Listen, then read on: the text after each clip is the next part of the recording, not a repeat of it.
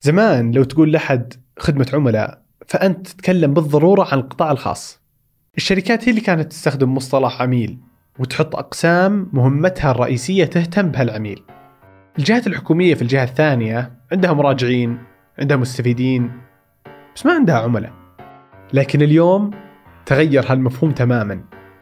بس وشلون وصلنا لهنا؟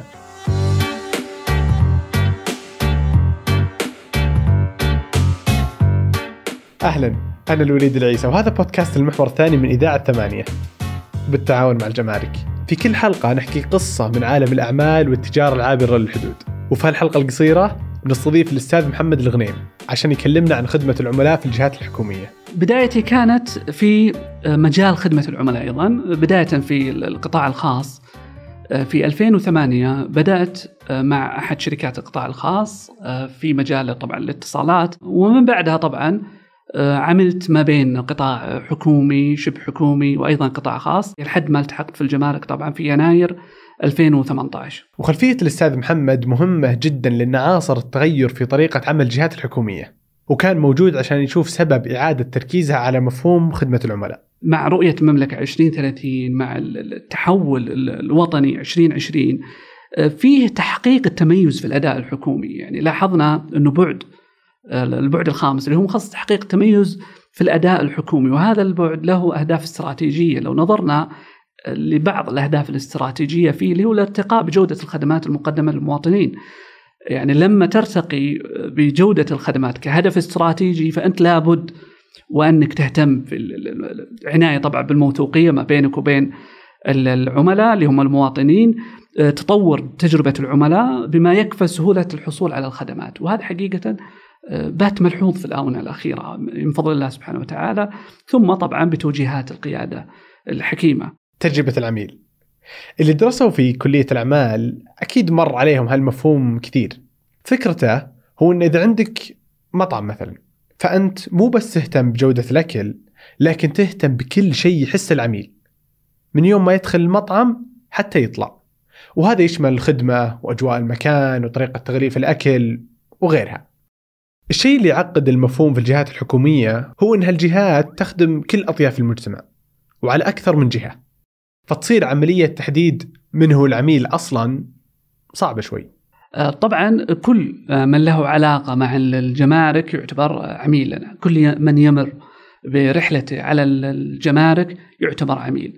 آه، نتحدث عن المستوردين المصدرين اللي هم تجار. آه، نتحدث أيضا عن فئة المشغل الاقتصادي المعتمد يعتبرون عملاء للجمارك. آه، نتحدث عن مخلصين الجمركيين. آه، نتحدث عن المسافرين التجارة الإلكترونية. فاستفسارات أيضا لشخص يرغب في آه، بدء مشواره التجاري ممكن يستفسر ويبحث عن معلومات حول رسوم جمركية لدراسة المشروع ما. طبعا هذه فئات إحنا نهتم فيها. المسافرين بدون شك طبعا يعتبرون آه، عملاء للجمارك وحنا بعد تحديد منهم العملاء يجي وقت خدمتهم. وأول أشكال خدمة العملاء أكيد هو التواصل معهم والرد على استفساراتهم والتجاوب مع شكاويهم. وهنا يجي دور قنوات التواصل المختلفة. الأستاذ محمد يعطينا نظرة عامة على خطة تواصل خاصة بالجمارك. عندنا مركز اتصال موحد 19 18 آه، عندنا بريد إلكتروني care at customs آه، دشنا حساب على تويتر Ask Saudi Customs لدينا أيضا نموذج على البوابة الإلكترونية. آه، كل هذه القنوات تعمل على مدار الساعة. وهنا بالعادة ينتهي مفهوم خدمة العملاء عند أغلب الناس. كثير من العاملين في مجال التسويق يشتكون من اختزال شغلهم في مفهوم الإعلانات بس. وبنفس الطريقة العاملين في مجال خدمة العملاء يعانون من اختزال شغلهم في مراكز الاتصال والتجاوب مع الشكاوي. في الواقع مفهوم خدمة العميل هو مفهوم واسع جدا. كمثال قنوات التواصل اللي ذكرها الأستاذ محمد قبل شوي كلها تسجل الشكاوي والاقتراحات في نظام موحد يعطي الإدارة القدرة أنها تشوف الثغرات في شغلها بشكل سريع. تكلم بشكل صريح آه، لن نحقق الفائدة المرجوة إذا حنا ناخذ كل شكوى على حدة ونعالجها فقط ونكتفي بذلك. فحنا حقيقة نهتم في تحليل الشكاوى حتى ينعكس الأثر الإيجابي ولو ليس للع... يعني ليس بشكل مباشر للعميل اللي قدم الشكوى ينعكس على بقية العملاء. طبعا الاعتماد على الشكاوي اللي تجيك مو بكافي لانها ما تعكس صورة كاملة عن شغلك. في عملاء يواجهون مشاكل لكنهم ما يهتمون إنهم يتصلون يشتكون. وكذلك في عملاء يشوفون نقاط قوة في نظامك أنت ما تقدر تشوفها. وهنا تجي أهمية نظام مثل نظام صوت العميل اللي أطلقته الجمارك. آه، بشكل دوري آه، نأخذ عينات عشوائية آه، لمن مر بتجربة مع الجمارك نقوم بالتواصل معهم بحسب الفئات. للمسافرين يتوفر لدينا أسئلة عن تجربتهم في رحلتهم من أي طبعا مكان. التجار أيضا عن مدى رضاهم ومدى ملاحظاتهم أيضا عن تجربتهم ومن هنا تصير عملية خدمة العملاء في الحكومة مشابهة لها في القطاع الخاص. بحيث لما تضمن أن قنوات التواصل شغالة لجمع الملاحظات والمعلومات وتضمن أنك قادر على تحليل الملاحظات والمعلومات اللي تجيك من العملاء تبدأ تستخدم النتائج اللي تطلع لك حتى تحسن خدمتك. فتستخدم أساليب مثل أسلوب المتسوق الخفي اللي يخليك تشوف الخدمة من وجهة نظر العميل وتحط معايير معينة لقياس أدائك. زي السرعة مثلا. إحنا طبعا نصنف الشكاوى. في بعض الشكاوى آه، لابد آه، من معالجتها بشكل فوري. ولدينا طبعا فريق عمل يعمل على مدار الساعة سواء في خدمة العملاء بشكل مباشر أو زي ما أنت عارف المنافذ الجمركية تعمل على مدار الساعة طبعا. في أيضا مستويات تصعيد. إحنا في حالات لم يتمكن نتحدث عن فريق ألف على سبيل المثال لم يتمكن من معالجتها. في مراحل تصعيد للمسؤولين المدراء وهكذا يعني لحد ما يصل أيضا مستوى التصعيد لمعالي المحافظ. وهنا نقطة مهمة وهو إن مفهوم خدمة العميل شيء تتشاركه المنظمة كاملة، ما هو حاجة خاصة بقسم معين. فيصيرون كل الموظفين اللي يتعاملون مباشرة مع العملاء وغيرهم جزء من خدمة العميل.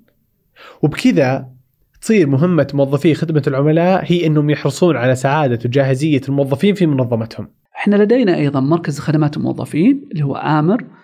المركز هذا يعمل على مدار الساعة لخدمة منسوبي الجمارك. الهدف منه حقيقة آه، أن نتجاوب مع ملاحظاتهم مع شكا معالجة شكاواهم والإجابة على استفساراتهم. وزي ما ذكرت لك على مدار الساعة وهنا يصير النجاح بالنسبة لأجهزة خدمة العملاء وهو أنك تجهز الموظف لتأدية مهمته في خدمة العميل بأفضل شكل. لدرجة أن العميل يقرر يتعب نفسه ويتعنى عشان ينفع الموظف ويتأكد من أنه ينال التقدير اللي يستحقه.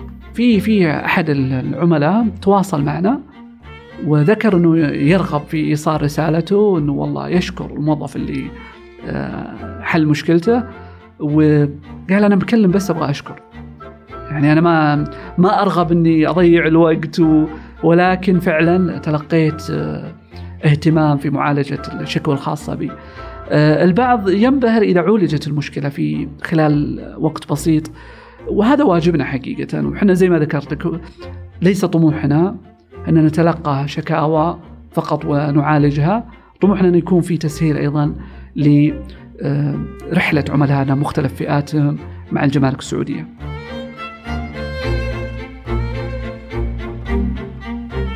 أنتج هذه الحلقة أنا الوليد العيسى مازن العتيبي والعنود شويعر حررها محمد الحسن راجعها ثمود بن محفوظ وسمر سليمان واشرف عليها عبد الرحمن أبو مالح العنود شويعر وعادل بارجة.